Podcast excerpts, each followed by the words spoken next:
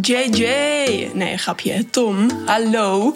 Wij gaan een podcast maken. Ik heb er super veel zin in. Uh, maar ik dacht, we moeten even afspreken waar gaan we het over hebben. Ik dacht zelf uh, BFF's, eerste keer verliefd zijn, populair zijn.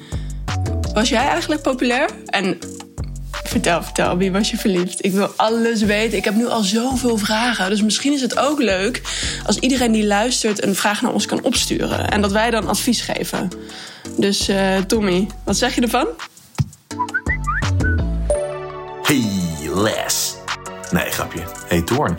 Hey, ik heb, er, uh, ik heb er eigenlijk ook best wel heel veel zin in. Trouwens, over onderwerpen. Ik kan trouwens wel honderd dingen bedenken om het over te hebben. En of ik populair was? Hm? dat vertel ik je wel in de allereerste aflevering. Oh, en we moeten sowieso even gaan nadenken wie we willen uitnodigen in de podcast. Misschien oud Spangas-collega's zoals uh, Avalanche of Tobias. Of uh, misschien Annabelle? Kijk, dit wordt gewoon heel erg leuk. Ik, uh, ik zou zeggen, ga het tegen iedereen zeggen.